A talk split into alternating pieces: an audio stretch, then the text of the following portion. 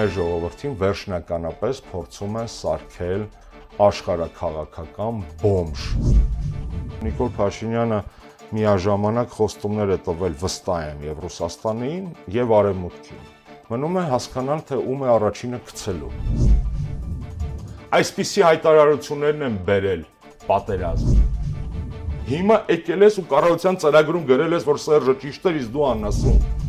Այն պորտապարը, որ Նիկոլը հիմա ապարում է Էրդողանի աշխատանքային սեղանին, բացարձակ կապ չունի այն մեր ազգային օրակարգի հետ, որ մենք հետապնդում ենք.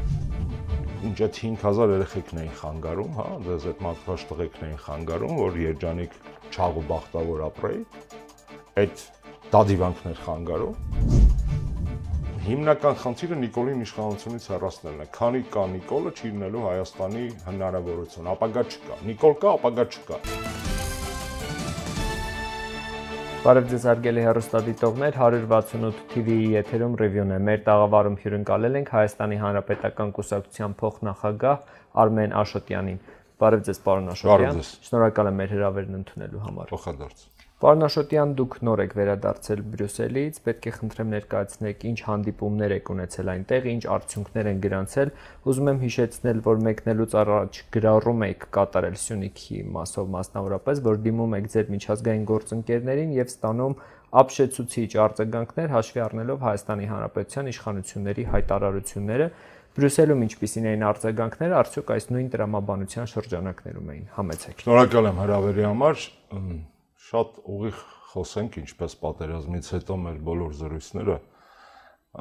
նախկինում Հայաստանի պետությունը մեր օրոք ուներ հստակ արտաքին քաղաքականություն իր ազգային գերակայություններով եւ անգամ այն ժամանակվա անդիմադիրների համար པարզ էր թե որն է պետական շահը, որը համազգային էր այդ ընթացքում եւ կար ընդհանուր կոնսենսուս Արցախի խնդրի շուրջ, ցեղասպանության միջազգային ճանաչման խնդրի շուրջ եւ այլն։ Մենք հայտնվել ենք մի իրավիճակում այս կապիտուլանտ իշխանությունների պատճառով, երբ որ այն ավանդական ազգային օրակարգը որպես պետական շահ որ սпасարկել ենք տարիներ շարունակ, այդ թվում եվրոպական մայրաքաղաքներում, այսօր ժողովրդական լեզվով ասած չախվում է այս կառավարության կողմից։ Օրինակը ձեզ բերեմ։ Օրինակ, երբ որ ադրբեջանական զինուժը շրջափակել էր Գորիսկապան ճանապարհը եւ ես հենց այդ առիթով նամակներ գրեցի իմ ընկերներին Եվրոպական խորհրդարանի падգամավորներին հրավիրելով իրենց ուշադրությունը ագրեսիայի ակտի վրա եւ այլն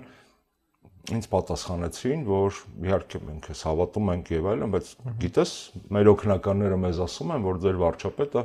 կառոցան նիստին ասել է, որ դա ադրբեջանական տարածք է, հետեւաբար ագրեսիա արի չդիտարկենք, կարող ենք ընդհանրապես ասել, որ Ադրբեջանը դեստրուկտիվ է տարածաշրջանային կայունության հետ կապված։ Նույնը վերաբերում էր ցեղասպանության խնդրի հետ կապված, երբ որ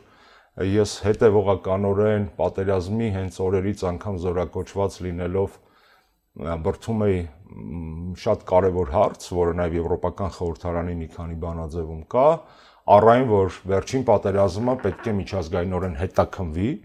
որովհետև ակնհայտ է որ կան ագրեսորներ Ադրբեջանը եւ Թուրքիան եւ պետք է հետաքնչական միջազգային մեխանիզմով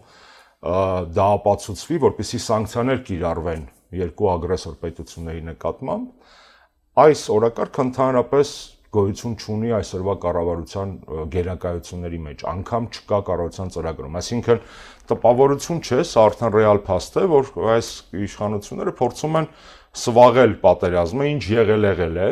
եւ նույն Ադրբեջանին կամ Թուրքիային վերջին պատերազմի համար պատժելու միջազգային դիվանագիտական իրավական լծակներով մեխանիզմներով պատժելու որևէ ցանկություն չունեն։ Նույնը վերաբերում է տեսեք Արցախի տարածքների դեօկուպացիայի հարցին, հա, որը նույնպես մենք բարձրաձայնում ենք այդ հարցը, դրսում ես իմ ընկերները, բայց այս կառավարության համար դա գոյություն չունեցող հարց է, ամենայն դեպս կառավարության ծրագրում դա գրած չէ։ Հիմա տեսեք, քանի կետ ձեզ թվարկեցի։ Թուրքիայի հետ հարաբերություններ, Ադրբեջանի ագրեսիա, Արցախի դեօկուպացիա, պատերազմի հետաքննություն եւ ագրեսորներին պատիժ, 4-5 կարող եմ շարունակել։ Պետությունը ոչինչ չի անում, պետությունը դեմս այս իշխանությունների ասում է դե անցած լինի։ Եկել է նոր դարաշրջան, իսկ մենք փորձում ենք բրթել այդ օրակարգը։ Առանձին թեմա են ռազմագերիները։ Ես նորից պետք է կրկնեմ, որ ռազմագերիների խնդիրը առաջացել է ամբողջությամբ այս դավադիր իշխանությունների պատճառով, որոնք նոյեմբերի 9-ից սկսած երակողմ հայտարարության հանրայնացման առաջին իսկ պահից մինչև այսօր չեն գործարկել այն ողջ գործիքակազմը, որ վաղուց պետք է թույլ տար ռազմագերիների վերջնական փոխանակում եւ վերադարձ Հայաստան մեր տղաները ոչ միայն Ալիևի եւ Էրդողանի, այլ Նիկոլի պատաններն են, ես դա կրկնում եմ ամենայն պատասխանատվությամբ։ Մեր տղաները գտնվում են Բաքվի բանտերում որպես Նիկոլ Փաշինյանի պատաններ, որովհետեւ շատ ենք խոսել այդ մասին, թե ինչպես եղավ, որ մենք տվեցինք ադրբեջանցիներին, իսկ մեր տղաներին չվերադարձրեցին, ինչու առանց այդ կետը կատարելու մենք տարածքները ազատեցինք, ինչու առանց այդ կետը կատարելու բանավոր փոխըմբռնմամբ Զանգելանի եւ Կոբատլուի հատվածները հանձնեցինք, ինչու առանց այդ կետի կատարմամբ հունվարի 11-ին ստորագրեցինք նոր հայտարարություն, ինչու առանց այդ կետի կատարմամբ խոսում ենք Ադրբեջանի հետ հնարավոր դելիմիտացիայի եւ դեմարկացիայի մասին եւ այլն եւ այլն։ Մի փոքր գաղտնիք էլ ձեզ բացեմ։ Անկամ այսօր, եթե իշխանությունը լիներ բանիմաց հայրենասեր մարդկանց ձեռքերում, անկամ այսօր հնարավոր էր միջազգային ասպարեզում ոչ թե այսօրվա խղճուկ քայլերով կծֆռ այսպես ասած խոսել ռազմագերիների թեմայի մասին, այլ ուլտիմատում դնել բազմաթիվ միջազգային կառույցներում Հայաստանը ունի այդ հնարավորությունը, եթե ոչ, այսպես ասած, վետոյի, բայց ուլտիմատումների եւ այդ կառույցների աշխատանքի խափանման միջև մեր տղեկի հարցը չլուծվի։ Ինչու այդ գործիքակազմը չի օգտագործվում։ Եվրոպական քաղաքական վերնախավում վերաբերմունքը հետեւյալն է, ես քանիցս ասել եմ, բան չի փոխվել, ավաղ մեզ խղճում են, բայց գրեթե ոչ ոք չի հարգում այդպիսի իրավիճակ է։ Հայաստանին խղճում են, կարեկցում են, բայց ոչ ոք չի հարգում եւ ոչ այնքան պարտության համար, որովհետեւ քանիցս ասել եմ, որ նոյեմբերի 9-ը որպես պարտություն իր բոլոր պատճառներով եւ այլն տարբեր ժողովուրդներ ունեցել են իրենց պատմության մեջ նման սևեջեր այլ այն բանի համար որ հունիսի 20-ին այս ոհմակը վերընտրվեց եւ շատ հաճախ տրվող հարցը հետեւելն է լավ ո՞նց եղավ որ սրան ընտրին Արմեն ջան դրսում հա ո՞նց եղավ որ սրան ընտրեցին դե շատ ազնիվ պետք է խոսել իհարկե կար 5-ից 7% ընտրակեղծիկ կար ընտրությունների առհասարակ սահմանադրությանը հակասող միջավայր, ինչի մասին Դավիթ Հարությունյանը փայլուն ուղակի ապացուցել էր Սանդրական դատարանի համարժեք նիստում, համապատասխան նիստում, բայց խոստովանենք, որ հասարակության մեջ կա մի կորիզ, որը հոգնել է պատերազմից, հոգնել է կռվելուց սեփական արժանապատվության համար, սեփական օջախի համար, սեփական տան համար եւ սա իհարկե մի երևույթ է, որ երբ որ դրսից նայում ես, լինի Ռուսաստանի նախագահի աչքերով, որ ասաց, որ ստացել եք մանդատ ցավոտ լուծումների համար, թե եվրոպական գործընկերների աչքերով չի կարող ավելացնել հարգանք հայ ժողովրդի նկատմամբ։ Սա ցավով պետք է նշեմ Մեր հիմնական շեշտադրումները այս աշխատանքի ռազմագերիների հարցներ, կարմիր թելով բոլոր հանդիպումներին, որովհետև ես վստահ եմ, որ կան մեխանիզմներ, որոնք կարելի է շարունակել գործադրել, անկամ եթե պետության վեճը չի, եթե պետությունը իդեմս այս դավադիր իշխանությունների պատրաստ է գունագեղ հրավառությունների եւ ասում է երկու ամիս էլ թո տանջվեն, ոչինչ, հա, եւ այլն։ Մեզ կներեն, եթե երկու ամիս ավել մնա։ Այո, անգամ այս պարագայում կան այդ հնարավորությունները։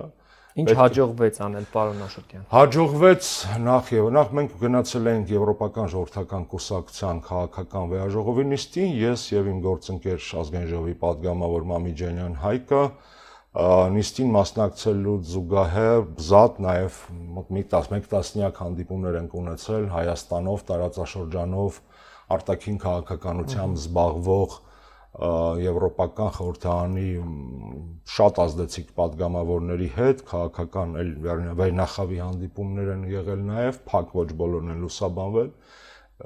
աստված տային ինչ որ ձեռնարկել ենք հիմա մենք կուսակցունով հանրապետական կուսակցունով ջուրեղանա այդ ժամանակ, այսպես ասած, առուն չտեսած հոբ չեմ ուզում խոսել, որոշակի գործնական ու կոնկրետ զարգացումների իդեաներ կան եւ աշխատանք է տարվում, չեմ ուզում հիմա դրա մասին խոսել, կապած ռազմագերիների հետ հարցի վերադարձի հետ կապված դրսում Եվրոպական միությունը պատրաստ է նայել Հայաստանի որպես արևելյան գործընկերության մի երկիր, որի աշխարհակաղակական արժեքը կտրուկ նվազել է, բայց որը դեռ հետաքրքիր է զուտ ելնելով այն հանգամանքից, որ արևմուտք Ռուսաստան արճակատումը շարունակվում է, ստանում է նոր դրսևորումներ եւ Հայաստանը Ռուսաստանի ազդեցության գոտուց վերջնականապես փոկելու միտքը դեռևս արևմտյան շրջանակներում թևածում է։ Ես չեմ կարող ասել, որ դա վերաբերում է եվրոպական բոլոր կառույցներին եւ ինստիտուտներին, բայց այսպես կոչված Ատլանտիկ քաղաքական մտքի մեջ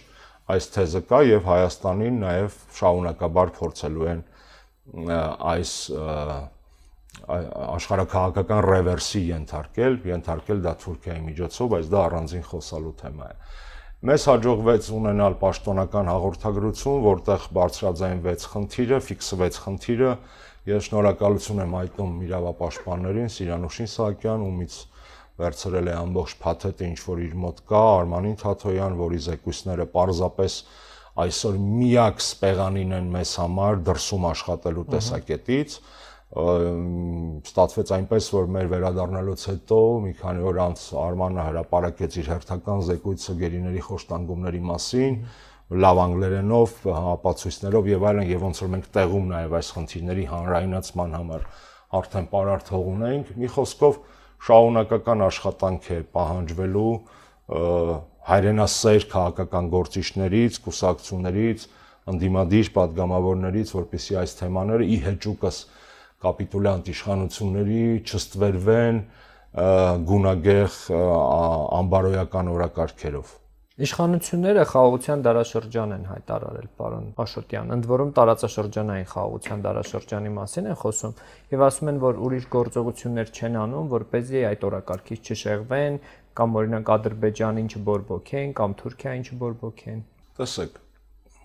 ես հիշում եմ, որ նաեւ այս սրիկան Նիկոլի մասին եմ խոսում, ասում էր միջև պատերազմ, որ Հայաստանը չի բանակցելու զենքի սպառնալիքի, պատերազմի սպառնալիքի տակ։ Եվ նորմալ էր, որ դա էր ասում։ Բոլոր ղեկավարներն էլ ասում էին ժամանակին, որ սպառնալիքի տակ չեն բանակցելու։ Բայց փաստորեն նա ոչ միայն տապալեց ողջ բանակցային գործընթացը, դրա մասին ուզում եմ մի քիչ մանրամասնեմ երևի քիչ հետո,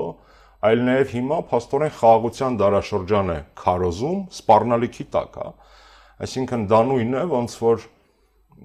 քո ճարակամ հարևանը մտնի քո տուն, կներեք աղջկատ բռնաբարի, տղեկից մեկին սպանի, վերցնի այգին ննջասենյակը եւ այլն, քեզ թողնի խոանոց եւ միջանցք ու այդ սպառնալիքի տակ քեզ ասի դե արի հիմա այդ տունը ձևակերպի ին վրա։ Սա նույն անալոգիան է, ինչ որ այսօր կատարվում է Հայաստանում։ են մտել է, սպանել է, ավիրել է, նստած է մեր տարածքի կոկորտին, մեր կոկորտին եւ ոչ միայն Արցախում, այլևս նաեւ Հայաստանի սուվերեն տարածքում մայիսի 13-ից սկսած Եվ հիմա ասում են խաղաղության դարաշրջան։ Դրա համար պետք է դեմարկացիա եւ դելիմիտացիա արվի, որ เป զի թշնամին խաղաղության դարաշրջան կարող է բացվել, երբ որ տարածաշրջանային առնվազն Արցախյան հակամարտության հանգուցալուծումը լինի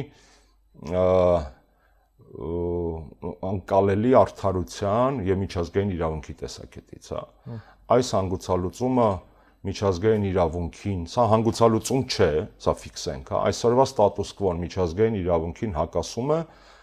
առնվազն երկու սկզբունքով։ Առաջինը միջազգային իրավունքի սկզբունք է Արցախյան հակամարտության կարգավորման բազային սկզբունքներից մեկը ինքնորոշման իրավունքի ընդունումը, ինչը կարմիր գծով Մինսկի խմբի ամանախագաների փաթեթում եղել է, եւ երկրորդը, որ ուժի կիրառումը կամ ուժի սպառնալիքի կիրառումը չի կարող նույնպես արգելվում է այսպես ասած այդ սկզբունքն էլ է խախտվել Արցախյան վերջին պատերազմով այսինքն մենք ճունենք այսօր իրավիճ այսօրվա ստատուս կվոն նոր ստատուս կվոն հակա իրավական է եւ անարդար է հետեւաբար այս պարագայում խաղաղության մասին կարելի է խոսել միայն այն դեպքում երբ որ Հայաստանում վերականգնվի ազգային իշխանությունը եւ Հայաստանը ունենա որոշակի ժամանակահատված, հատկապես Ռուսաստանի Դաշնության հետ իր ռազմավարական հարաբերությունների խորացման միջոցով վերականգնել իր ռեսուրսը, հա։ Տեսեք, նույն սեպտեմբերի 21-ի մասին շատ խոսվեց, հա, Նիկոլի ամբարոյական, ամբարոյական ամենամեղմ բառն է, որ կարելի ասել այդ հայտարարության մասին, գունագեղ տոնակատարության մասին, հիմա սատանեն ասում է այսին չեմ ուզում մտնել ընտանեկան դաշտ, բայց բոլոր դեպքերում իր սքո արարողություններին թոբերի DJ Edo-ով party փրփուր party անի։ Եթե դա հիշատակա զոհերի կամ մարդու մահվան, թոբերի DJ Edo-ով փրփուր party անի իր այսին ընտանեկան հա, եղել է չէ վերջերս մարդ հայրեր մահացել եւ այնտեղ դա անի։ Ինչ է, սա Սա իհարկե հոգեբանական տրուկ է, որովհետև նրանք ամեն ինչ անում են, որպեսզի շրջեն պատերազմի էջը։ Պատերազմը իրենց կոկորտին մնացել է իր զոհերով, կորուստներով եւ այլն, եւ թեպետ իրենք հավաքել են, կորզել են այդ 53%-ը իրենք շատ լավ գիտեն, որ այո, ֆորմալ առումով նրանք քաղաքական մեծամասնություն են, բայց բովանդակային առումով նրանք բարոյական մեծամասնություն չեն։ Եվ քանի որ նրանք փչացած են ու անբարոյական, հիմա այդ փչանալու, այդ փչացնելու, այսպես ասած, ցանկություն ունեն նաև ժողովրդին։ Կան դա փչացնել է, չէ՞, մարդկանց հravirել հրաապարակ տասնյակ հազարներով տաշի տուշի անել պատերազմի տարին, այսպես ասած, չեմ ասում զոհերի տարին, պատերազմի մեկնարկի տարին չտված։ Ու հետաքրքիր զուգահեռ ձեզ ասեմ, Հայաստանի 25-ամյակ անկախության հիշում եք տոնակատարությունները։ Ինչ էր։ Ռազմական շքերթ։ Այսինքն մենք ընդամենը 5 տարի առաջ Սերժ Սարգսյանի կառավարման օրոք մեր պետության անկախության ծնունդը նշում էինք ռազմական շքերթով որտեղ հրաապարակ էր մտնում բազմամշակութային Իսկանդերը օրինակ, հա 5 տարի հետո մեզ առաջարկում են շատերի մարմինները դեռևս գետնին հողին չտված նշել դիսկոյով, հա գունագեղ տոնակատարությամբ դուք ամենազռ օրինակն է թե մենք ուր էինք եւ ինչ էինք եւ ինչ դառանք, հա սարի պես ժողովուրդ էինք, դարձանք քարկտիկի քար ասում է, հա եւ 5 տարի առաջ ռազմական շքեր տանող ժողովուրդն ու պետությունը իր ծննդյան առիթով այսօր կանգնած է, այսպես ասած, իր ծնունդը մեռելը դեռ տանը իր ծնունդը այսպես ասած դիսկոյով նշելու բայց հասարակության մոտ էլ չկա այդ արժեքային ճգնաժամը հիմա տեսեք կա իհարկե կա եւ նրանք օգտվում են դրանից այսինքն նրանք փչացած են եւ անբարոյական եւ որպեսի արդարացնեն սեփական անբարոյական լինելու փաստը փորձում են փչացնել նաև ժողովրդին, հա։ Քաղաքական առումով մեծամասնությունը ձգտում են նաև բարոյական առումով դառնալ մեծամասնություն։ Եվ սա իհարկե իրենց հոգեբանական, մանիպուլատիվ պլանավորման տեսակետից շատ-շատ կարևոր է։ Անչափ կարևոր փաստ է, որը որ ես իհարկե հասկանում եմ, որ կան տեսակետներ, որ այդ օրը կառավարության նիստին շատ ավելի սկանդալային բաներ գուցե հնչեցին Ադրբեջանին ուղված, Թուրքիային ուղված դրանք առանձին թեմաներ են, այո, բայց այս փաստը պետք չէ թերագնահատել, որովհետև մեր ժողովրդին վերջնականապես փորձում են սարքել աշխարհակաղակական բոմժ, անինքնասեր, առևտրական, բարի վատ իմաստով ին ողջ հարգանքով առևտրով ոլորտում ներգրաված մարդկանց նկատմամբ, վատ իմաստով այսպիսի բոմժ ժողովուրդ դա դա իրանց գերնպատակն է այսօրվա իրավիճակում Հայաստանի ինքնիշխանության ռուսերեն ասում են ռասպրադաժա, հա, դա ոչ թե սեյլ է, ոչ թե զեղչեր են, այլ ռասպրադաժա է, տոտալ լիկվիդացիա է։ Եվ մենք սրա կանատեսնենք լինում, երբ որ Նիկոլ Փաշինյանը միաժամանակ խոստումներ է տվել վստահ եմ եւ Ռուսաստանին եւ Արևմուտքին։ Եվ իր օրակարգը այսօր հենց այդպեսինն է։ Մնում է հասկանալ, թե ում է առաջինը գցելու։ Եվ հասկանում եք, չէ, որ ցանկացած գցոցի աշխարհակաղակական լրջագույն ցնցումներ կարող է առաջացնել Հայաստանում եւ Արցախում։ Այդպես եղավ իդե պատերազմի սկիզբը։ Նա գցեց։ Տեսեք ինչ հետաքրքիր բան է տեղի ունենում բանակցային գործընթացի վերսկսման հետ կապված, հա։ Նիկոլը որ եկավ իշխանության, ես հատուկ հանել եմ, հա։ Կարգավորման սեղանին դրված էր Սերժ Սարգսյանի կողմից թողնված բանակցային ժառանգությունը։ Փաթեթը, որը իրենից ներկայացնում էր 2007 թվականին ընդունված մադրիդյան սկզբունքների հիման վրա լրամշակված, մոտ 30-ից ավել փոփոխության ենթարկված լրջագույն բանակցված փաթեթ, որտեղ հայկական, իհարկե մեր երազանքի փաթեթը չէր, բայց հայկական երկրորդ պետականության գոյության երաշխավորման համար, Արցախի հանրապետության կարգավիճակի ճանաչման համար լրջագույն փաթեթ էր։ Մադրիդյան սկզբունքներ կոչված։ Հիմա տեսեք, սա ինչ է ասելի։ Անմիջապես հենց եկել է իշխանության Ստեփանակերտում հայտարարել է 18 թվականի, ես չեմ զլացել, ամբողջը հանել եմ, որ ինքը հասկանա, որ ստի ոտը կարճ է եւ երբ որ իշխանապողություն կլինի եւ կհետաքնվեն նաեւ դիվանագիտական պատճառները այս պատերազմի, այս բոլորը պետքա շարել իրար կողք եւ չմոռանալ։ Մայիսի 9-ին Ստեփանակերտում նա հայտարարել է, որ մենք չպետք է առաջնորդվենք կարծրատիպերով, այլ պետք է հասկանանք, որ նպատակը ոչ թե բանակցությունն է, այլ խնդրի լուծումը մադրիդյան սկզբունքների մասին է նա խոսել։ Այսինքն դա համարել է կարծրատիպ։ Հաջորդը ձեզ ասեմ ինչ է ասել, հա մարտի 27-ին 19 թվականին նա հայտարարել է Մադրիդյան սկզբունքների ընդունելի լինելը կախված է ՀՀԿ Մինսկի ամանախագաների կողմից դրանց մեկնաբանությունից։ Նոյեմբերի 13-ին 2019 թվականին նա ասել է, որ մեզ համար թափանցիկ չեն Մադրիդյան սկզբունքների պարամետրերը եւ դժվար ասել մենք դրանք ընդդահանտում ենք որպես բանակցային գործընթաց թե չէ։ Կարմիր թելով նա ամբողջ Սերժի թողած բանակցային ժառանգությունը, որի մեջ դրած էր, հա, ինքնորոշման իրավունքը, մսխել է Մինսկի խմբի ամանախագահների աշխատանքը 25 տարվա անարգել է, պատկերացնում եք Ռուսաստան, ԱՄՆ, Ֆրանսիա, լասեք էլի։ Ու գալիս է մեկը փողոցից, տգետ, որը փորձում է շուստրավատ լինել կամ ինչպես ինքն էր խոստովանել Արցախի պատվիրակության գժի տեղ դնել։ Կնա անգամ գժի տեղ դնելով մսխելով արկաբեկել էր այս ամբողջ փաթեթը, բանակցային փաթեթը։ Օրերս ադրբեջանական մամուլում հրաապարակում եղավ, երբ ասում են, որ Միսկի խումբը աշխատել է իշա Հայաստանի այս տարիների ընթացքում եւ պետք է ենթարկվեն համանախագահները իրավական պատասխանատվության ես ադրբեջանական մամուլի տարաբնույթ զառանցանքներ ու մանիպուլյացիաները չեմ ուզում մեկնաբանել, բայց Ադրբեջանից հիշեցնեմ, որ Ալիևն էր խոստովանում, որ իրեն ստիպում են փակ դռների հետևում դեռևս 16 թվականին ճանաչել Արցախի անկախությունը։ Այս ամեն ինչի հետ մեկտեղ տեսեք նա ինչա խոսել ազգային ժողովում։ Ասել է, որ ես բանակցում եմ սեփական կետից։ Ես ես Սերժ Սարգսյանի, Ռոբերտ Քոչարյանի եւ Լևոն Տեր-Պետրոսյանի բանաձևերի կարիքը չունեմ, ես ունեմ իմ բանաձևերը։ Նա ասել է, որ Մինսկի խմբի համանախագաների սկզբունքների փոխարեն հիշեցնեմ, դες մոռացել եք, 20 թվականի փետրվարի 16-ին առաջարկել է Մյունխենյան սկզբունքներ Հիշում եք։ Հելավ ասաց Զորիկն էլ իրեն չխմած արգոսնախարը, հելավ ասաց, որ սա նոր բանակցային բովանդակությունն է։ Կան երբ որ ասում են, որ սրանք բերել են պատերազմ եւ սրանք քանդել են դիվանագիտական ժառանգությունը, այս ամբողջը ապացույցներ են, հա, որ իրենք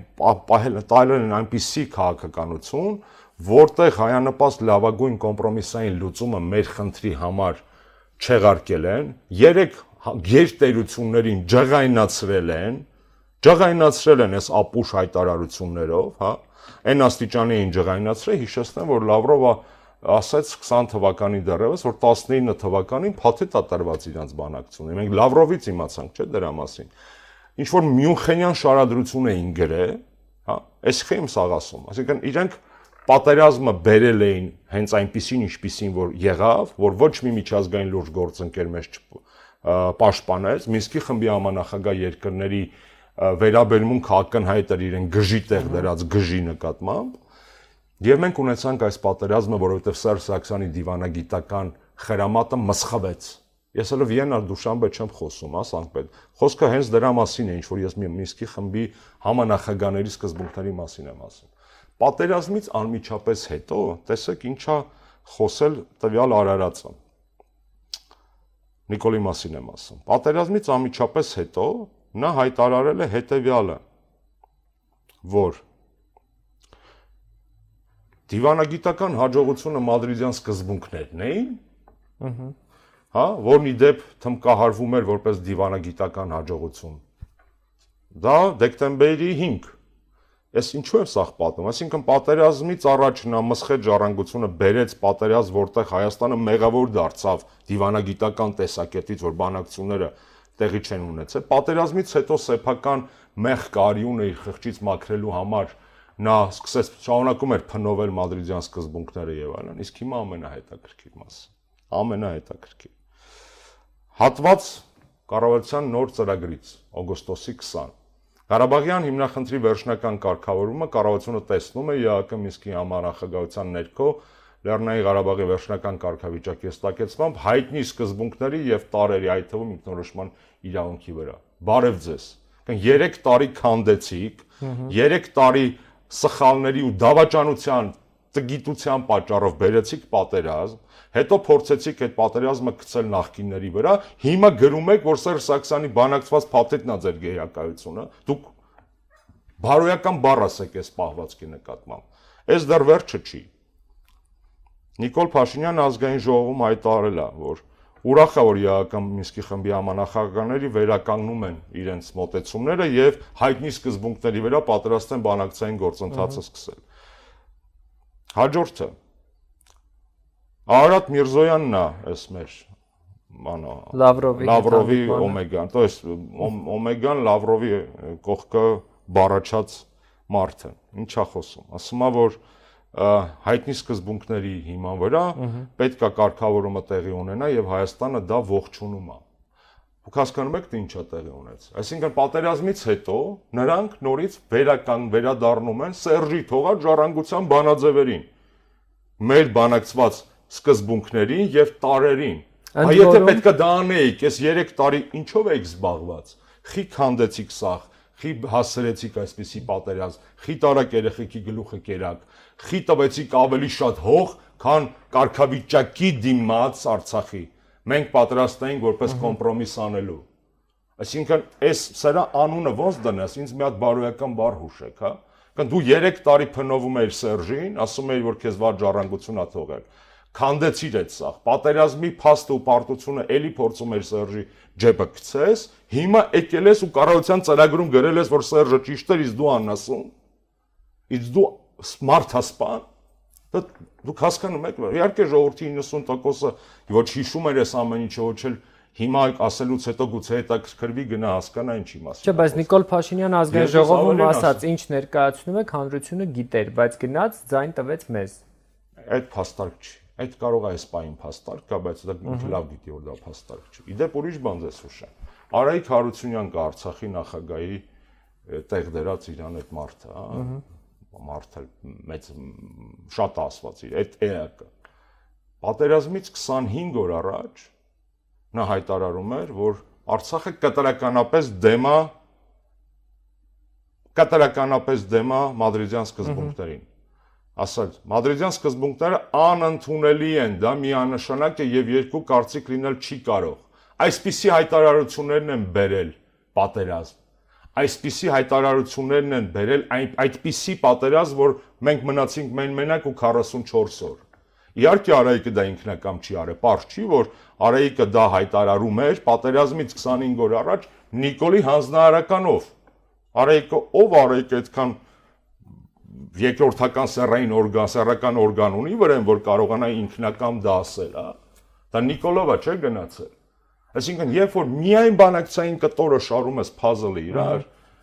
մայիսի 9-18 թվական առեսօր դու տեսնում ես գրաֆիկով, թե ոնց են դավաճանել քեզ, քո ժողովրդին, քո պետություններին, Արցախին ու Հայաստանին ու հիմա ոնց են կրոտիտ լինում։ Ասա ցնցող փաստ է, պարզապես ցնցող փաստ է եւ սեփական կետից են բանակցում, ոմանք մեզ փորձում են կաշկանդել բանակցային սեղանի շուրջ եւ այլն։ Այդ բոլորը պահեստավորված պահած է։ Պատմության արդար պատմական արդարության վերականգնման պահը գալու է։ Ոչ ոք չի կարող բերան փակել 100 հազարավոր հայրենասեր քաղաքացիների 53%-ով։ Մոռացեք դա։ Դա մոռացեք ինքն էլ շատ լավ գիտի։ Եթե այդպես է, ապա ինչու է այդ ախրանայով ֆրֆռում։ Ինչու ազգային ժողովում այդպիսի կոնսուլագերային ռեժիմ է։ Ասում են 2 հոկտեմբերի 27 թույլ չենք տալու։ Դե ինչ հոկտեմբերի 27։ Եկան ինքը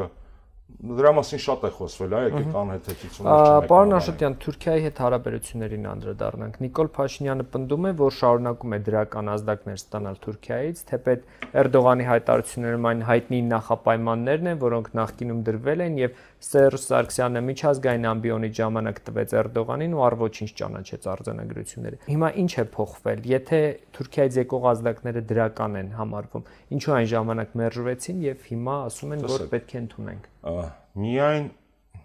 խնդրին չտիրապետող մարդկանց համար է նախատեսված այն զուգահեռները, որ ոմանք փորձում են տանել այսօրվա իրավիճակի եւ ֆուտբոլային դիվանագիտության միջև, հա շատ ուղիղ, շատ անկես խոսենք։ Ֆուտբոլային դիվանագիտության նպատակը ինչ էր։ Թուրքիային կտրել Արցախյան հակամարտությունից, տարանջատել հայ-թուրքական օրակարգը Արցախյան հակամարտության օրակարգից, հա, կարգավորել երկկողմ հարաբերությունները Թուրքիայի հետ միջազգային սպոնսորների, այսպես ասած, հովանու ներքո եւ Ադրբեջանին թողել մեն-մենակ Արցախի ու Հայաստանի հետ։ Սա էր նպատակը։ Կան այդ ժամանակ Հայաստանը ձեռնարկեց լավագույն ռազմավարական քայլերը, որպիսի գերտերություններին, հիշում եք, թե ինչպիսի համաշխարհային ուշադրություն կար, ապացուցի, որ մենք չենք մեղավոր, որ չի ստացվում։ Թուրքերն են մեղավոր Եվ այդպես էլ եղավ բոլորը Կլինտոնի հայտնի հայտարարությունը, որ գնդակը Թուրքիայի դաշտում է, հա, բոլորը ֆիքսեցին, որ մեղավորը Թուրքիան է։ Այսինքն այդ process-ի նպատակն էր Թուրքիային կտրել Արցախյան խնդրից, վերել, այսպես ասած, նորմալիզացման դաշտ, դա թույլ կտար որոշակի նաև հայաստանյան սոցիալ-տնտեսական արտաքին քաղաքական նոր հնարավորություններ ձեռք բերել եւ ուժեղանալ Արցախյան ճակատում ինչա կատարվում հիմա։ Ադրբեջանը Արցախի 75%-ը գրավեց կամ զենքով կամ թղթով, մենք թղթով ավելի շատ հող ենք հանձնել, եւ Էրդողանի հետ այսօրվա Սիլիբիլին, այն պորտապարը, որ Նիկոլը հիմա ապարում է Էրդողանի աշխատանքային սեղանին, բացարձակ կապ չունի այն մեր ազգային օրակարգի հետ, որ մենք հետապնդում ենք։ Այսօրվա հայ-թուրքական թեման Արցախյան վերջին պատերազմի պարտության հետևանք է Հասկանում եք։ Այսինքն դա տրամագծորեն տարբեր է, եթե մենք Սերժի Սերժ Սարգսյանի ժամանակ տարանջատում էինք Ադրբեջանը եւ Թուրքիան, հիմա Ադրբեջանի եւ թուրքական բանակի օգնությամբ այս հաղթանակը Արցախում նրանք փորձում են կապիտալիզացնել հայ-թուրքական օրակարգի մեջ։ Դա սկզբունքորեն տարբեր բաներ է։ Եվ ակնհայտ է, չէ, որ այստեղ որևէ դրական ազդակ չկա։ Ինչ դրական ազդակի մասին է խոսքը։ Այսինքն ինչ դրական ազդակի մասին ենք մենք խոսում, հա, ում ում ում համար է նախատեսված այս ռևերանսը։ Ես ասեմ ում համար է նախատեսված։ Ես քիչ առաջ ակնարկեցի, որ Նիկոլը տարբեր խոստումներ ա տվել Մոսկվայում եւ Արևմուտքում եւ հիմա նա այսպես ասած ամեն մեկի խոստմանի պատասխան ինչ որ մի շառա գլորում, որ տղեկ չեմ մոռացել։ Հայ-թուրքական ներկայիս օրակարգի արեստական ուղճեցումը ստեղծումը եւ ուռճեցումը, դեռ չկա օրակարգ։ Դա իրականում ես համարում եմ ժեստ արևմտյան քաղաքական շրջանակներին։ Ակնհայտ է, չէ՞ որ Հայաստանը ունի եվրոպական հերանեկար։ Ուղիղ խոսենք, Հայաստանը ունի եվրոպական հերանեկար։ Հարավային Կովկասի ոչ մի երկիր չունի, չնեղանանին Վրաստանի գործընկերները, որոնց համար դա կարևոր է, բայց ռեալ պոլիտիկա այսօրվա այնպեսին է, որ անգամ Բալկանները դեռ վերջնական հերանեկարի խնդիր ունեն։ Արևելյան գործընկերության երկրներից ոչ մեկ իրատեսական ժամկետում չունի եվրոպական հերանեկար։ Հարավային Կովկասը ծեմբոլ է, Հայաստանը վաբշե։ Հետևաբար Ռուսաստանի դեմ աշխարհակահաղական պայքարում մեզ պարզապես դեմ են տալիս եւ դրա մասին շատերն են խոսում, այնպես չի ես Ամերիկայում բացահայտում Թուրքիան։ Մեր կոպիտ ասած Եվրոպա, Եվրոպա, որ ասում են, ինձնից շատ Եվրոպայում քիչ մարդ ա եղել քաղաքական շրջանակներում ի նկատեմ ու այդ քաղաքակրթական կոդը ի մեջ լավա դրած էլի, բայց եկեք խոսենք մեր երկրի շահերից, ոչ թե մեր ճաշակից, ոչ թե մեր ցանկությունից բոսնել Փարիզի փողոցներում կամ վայելել իտալական մշակույթը կամ այսին գերմանական լավագույն բուհերում սորը, այդ սա ռոմանտիկա է։ Անձնական կյանքում գուցե դա կիրառելի է պետության մակարդակով հասկանանք, որ մեզ դեմ են տալու Թուրքիան։ Արևմուտքը, ԱՄՆ-ն, այս դեպքում ոչ թե Եվրոպական միությունը մեզ այսպես ասած արևմուտքի դեսպանա նշանակել տարածաշրջանում Թուրքիային։ Եվ այս մեսեջը Նիկոլը ուղարկում էր իր ատլանտյան տերերին։ Այս մեսեջը այնտեղ է։ Այս մեսեջը հենց այդտեղ է ուղված։ Մենք որևէ այսպես ասած օրակարգ թուրքերի չունենք եւ չենք կարող ունենալ, որովհետեւ մոռացել եք, որ մենք մեղադրում ենք Թուրքիային ռազմական ագրեսիայի մեջ Հայաստանի ու Արցախի դեմ։ Մոռացել եք, որ F-16-երը եւ բայրակտարները թուրքական, թուրքական սպեցնազը, այդ սա մոռացել եք, հեսա։ Դա կհամարեն պատմական անցյալ պարոն Աշոտյան ցեղասպանության պահանջատիրությունից կհրաժարվեն, Կարսի պայմանագիրը ամբողջությամբ կճանաչենք եւ Թուրքիայի հետ հարաբերություններ կհաստատենք տնտեսական զարգացում, ասում է հայ-թուրքական երկաթուղին կգործարկվի։ Յուրաքանչյուր նորմալ հայի համար ձեր մատնանշած սցենարը մղձավանջ է։ Դա են առաջացվում ֆիլմի հա հորր կինոներից բանա սցենարը, որը պարզապես չես կարող առանց փշակաղվելու զայրանալու հանգիստ անցալես անգամ դրա տեսական զրույցները, հա։ Այսինքն ինչ այդ 5000 երեխեքն էին խանգարում, հա, դες այդ մատղաշ տղեկն էին խանգարում, որ երջանիկ չաղ ու բախտավոր ապրեիք, այդ դադիվանքներ խանգարում։ Ես այս հորթային հրճվանքը ես հասկանում եմ ամբարոյական իշխանությունների ձեռագիրը իրենք ուզում են անցած լինի սկզբունքով սվաղել պատերազմը այդ հրավառությունն էլ է գունագեղ տոնակատարությունն էլ է դրա համար այս օրակարգերն էլ է դրա համար այդ ամեն ինչը դրա համար է բայց մենք ժողովուրդ ենք չէ ձեր ցավը տանը մենք 100 հազարավոր մարդիկ արևմտյան Հայաստանի արմատներ ունեն 100 հազարավոր մարդիկ Արցախի արմատներ ունեն։ Անկամ եթե չունեք Արևմտյան Հայաստանի ու Արցախյան արմատ, հայ եք, չէ, վերջապես։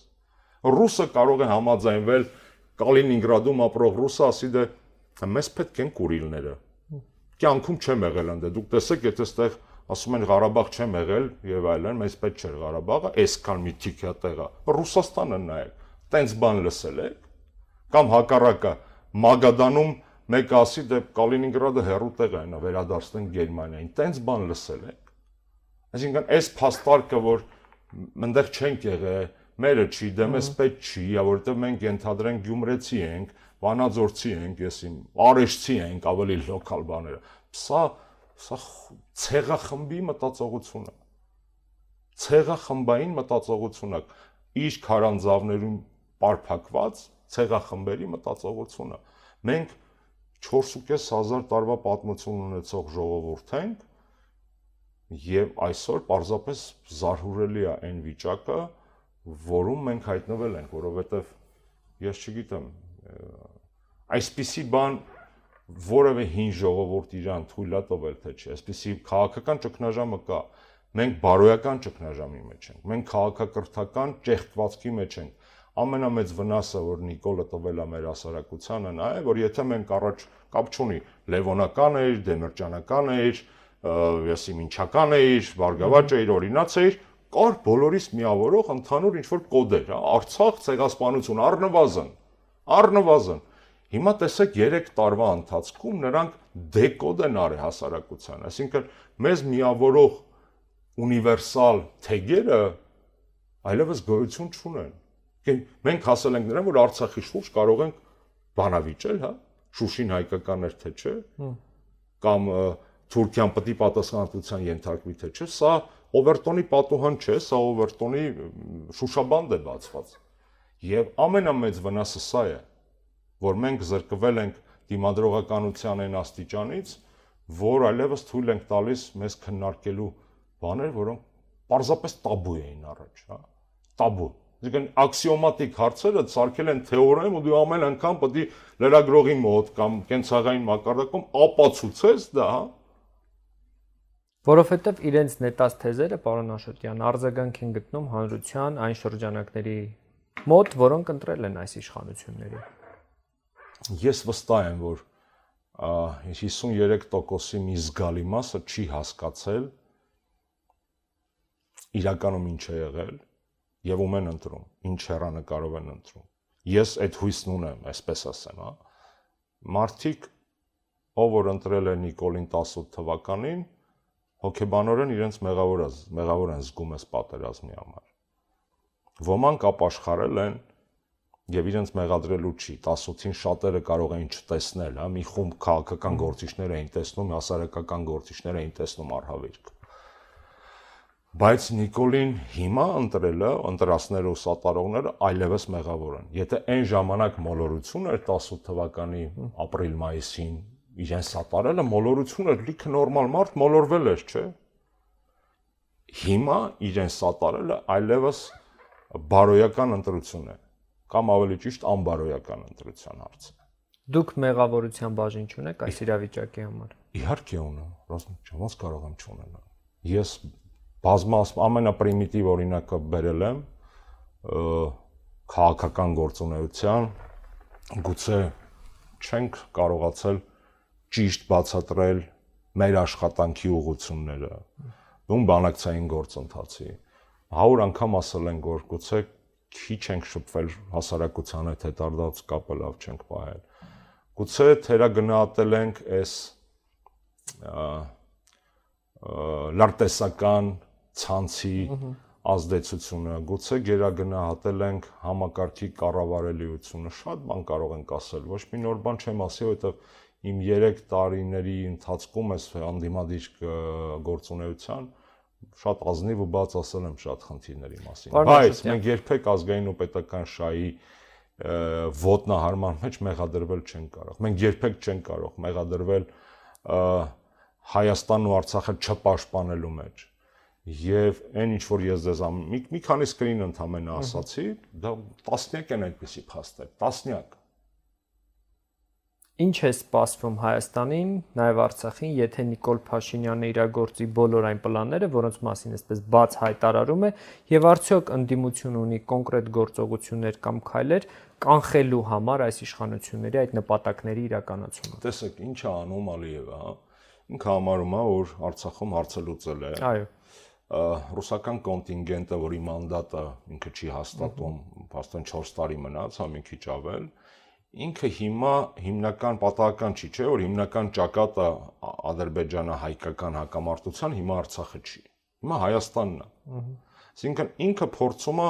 բնում խեղտել խնդիրը, ասենք Հայաստանին խեղտել, Հայաստանին որ խեղտեց, Արցախը սամոսաբոյ արդեն ինքը Ստինքյան իրենն է։ Նա ոչ թե պայքարում է Արցախում, որտեղ այնտեղ ժամանակը միացրել է եւ 4 տարի հետո գուցե աշխարհը քաղաքական ռումբ փորձի պայթեցնել։ Իդեպ Հիմա ինքը այս ժամանակը ծախսում է Հայաստանին, չոքած Հայաստանին համոզելու Նիկոլի հետ միասին իրենք ձեր-ձեռ են համոզում, որ գիտեք հայ ժողովուրդ, դուք երկոտանի չեք, քաղաքական առումով դուք երկոտանի չեք։ Դուք չորքոտանի եք։ Դուք եղել եք երկոտանի, հիմա մենք ձեզ կզծրել ենք, հիմա դուք չորքոտան եք ու ձեր նորման դուք չորքոտանի պետք է մնաք։ Դուք ձեր նորման այլևս 4 վերջույթի վրա քայլելն է այսպես կզած վիճակում։ Իրանք ուզում են ստեղծված ստեղծված իրավիճակը ճգնաժամը սառեցնել, դարձնելով դա նոր նորմալ, հա։ Մենք խոսում էինք տեսեք Մինսկի խմբի սկզբունքների մասին։ Մենք մոռացանք մի կարևոր բան շեշտել նաև։ Միլանի հայտարարությունը հայտնի հնգակոմ այդ սկզբունքները մադրիդյան սկզբունքները այնտեղից հանվեցին եւ փոխարինվեցին արդար լուծման սկզբունքով արդար լուծման սկզբունքով։ Եվ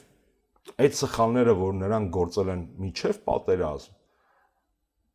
ես սկսում եմ մտածել, որ արել են դիտավորյալ եւ որ ինչու որովհետեւ հիմա ինչ որ անում են այն նախորդ ցեպոչկայի շահունակությունն է դուք ասացիք ինչ կլինի ես դրա համար հիշեցի դա կլինի Հայաստանի պետականության վերջնական վաղճանը Արցախի մասին էլ չենք խոսում կլինի Հայաստան Հայաստան պետություն չի լինի կլինի Հայաստան արգելոց եւ ստեղծված իրավիճակում մեր ինքնիշխանության մակարդակը այնքան է մսխված, որ մենք ընտրություն գրեթե չունենք։ Հիմնական խնդիրը Նիկոլին իշխանությունից հեռացնելն է։ Քանի կա Նիկոլը, չի լինելու Հայաստանի հնարավորություն, ապագա չկա։ Նիկոլ կա, ապագա չկա։ Էսա բանաձևը։ Ինչ է կանելու։ Ընդդիմությունը ինչ է անելու այդ ուղղությամբ։ Ընդդիմությունը շատ տարբեր հարթակներում է ներկայացված եւ շատ տարբեր է, հա։ Ես մնում եմ իմ այն կարծիքին, որ բոլոր խնդիրներով, որ տեսանել են ազգային ժող ժողովում ընդդիմադիր խմբակցությունների գործունեության այս մեկնարկի հետ կապված, իսկ խնդիրներ կան ես ինձ թույլ չեմ տալիս հանրային դաշտում դրա մասին շատ բարձրաձայն եմ, որովհետև բացի այնից, որ իմ կուսակից ընկերներն էլ են պատգամավոր, անձամբ եմ կարողանում իրենց հետ բարձրաձայնել խնդիրները։ Նաև այլ քաղաքական ուժերի ներկայացուցիչների հետ կաշկանդված չեմ զանգելու, խոսելու։ Շատ կարևոր է, որ խորհրդանական ընդդիմությունը չընկնի այսպես կոչված կառուցողականության թակարդ։ Դա շատ կարևոր է, որովհետև այս իշխանությունները ամեն ինչ անելու են, որ անգլերեն ասած business as usual, հա, բերեն ազգային ժողովի գործունեությունը ընթացիկ իրավիճակի եւ դրա համար են նաեւ այդ բոլոր ճնշումները, ծեծուջարդը, կամայականությունները, սահմանափակումները անդիմադիր գործիչների վրա, որպեսզի բերեն իրենց ուզած ֆոնի մեջ։ Կառուցողականությունը թակարդ է։ Ես ուզում եմ նորից դրա մասին բարձրաձայնել։ Շատ կարևոր է ամբիոնից իրականում ապահովել հանրային իրազեկումը ազգային ժողովի ամբիոնը մենք օրինակ ինչի ենք համաձայն որ հանրապետականները падգամավոր դառնան բացի այնից որ գործիքակազմը մեծանում է հնարավորություն է ստանում հասարակության լայն շերտերի հետ մարզաբնակ շերտերի հետ խոսել իրականության մասին հաջողության միակ գրավական ազգային ժողովի եւ փողոցի ջանքերի համադրումն է եւ ցավոք սրտի փողոց հասունացնելու առիթներ մենք ոնց որ թե ունենալու ենք, որովհետև դելիմիտացիա, դեմարկացիա, խաղաղության պայմանագիր, հայ-թուրքական ինչ որ հեշտապար եւ այլն, այս ամեն ինչը բերելու է նրան, որ ստացվում է ստացվելու է կարծում եմ հասարակության մոտ աչքերի բացման գործընթացը շարունակել։ Այսինքն փողոցային պայքարը պետք է լինի քաղաքական պայքարի կարևորագույն գործիք, եւ խորհրդանական ամբիոնը փողոցային պայքարի ուժեղացման, սինխրոնիզացման, պոտենցման հարթակ պետք է լինի։ Այդ հնարավորությունները չէ ձեզնից հանրությունը ընդդիմությունից։ Հասարակության մի մասը կարծում եմ հիասթափված է, մի մասը որ մտածում էր որ կարելի է կրել, այսպես ասած, հիասթափվեց այն անմիջապես հունիսի 21-ին, այն դեպքում որ մենք ասում ենք որ կրել հնարավոր չէ այս իրավիճակում, որովհետև Նիկոլ Փաշինյանը ամեն ինչ անելու է վերարտադրվելու համար մի մասի մոտ դեռևս ապաթիան շարունակվում է ակնկալիքները երբեմն շատ էմոցիոնալ են լինում ես հասկանում եմ այդ ցավը մարդկանց մոտ մեր համակիրների մոտ բայց կխնդրեմ ավելի օբյեկտիվ լինենք եւ մեր անձնական մունաթը չպրոյեկցենք ընդդիմության վրա, հա, մեր գործընկերների վրա։ Ամենահեշտ բանն է այսօր։ Մենք ունենք այն այն խորհրդանական ընդդիմությունը, որն ունենք։ Այլ ընտրանքը քաղաքական տեսակետից գոյություն չունի։ Ոչ չեն գնալու Նիկոլի գրպանի, այսպես ասած, պարունակության մեջ նամշած եւ նորաստեղծ տարբեր են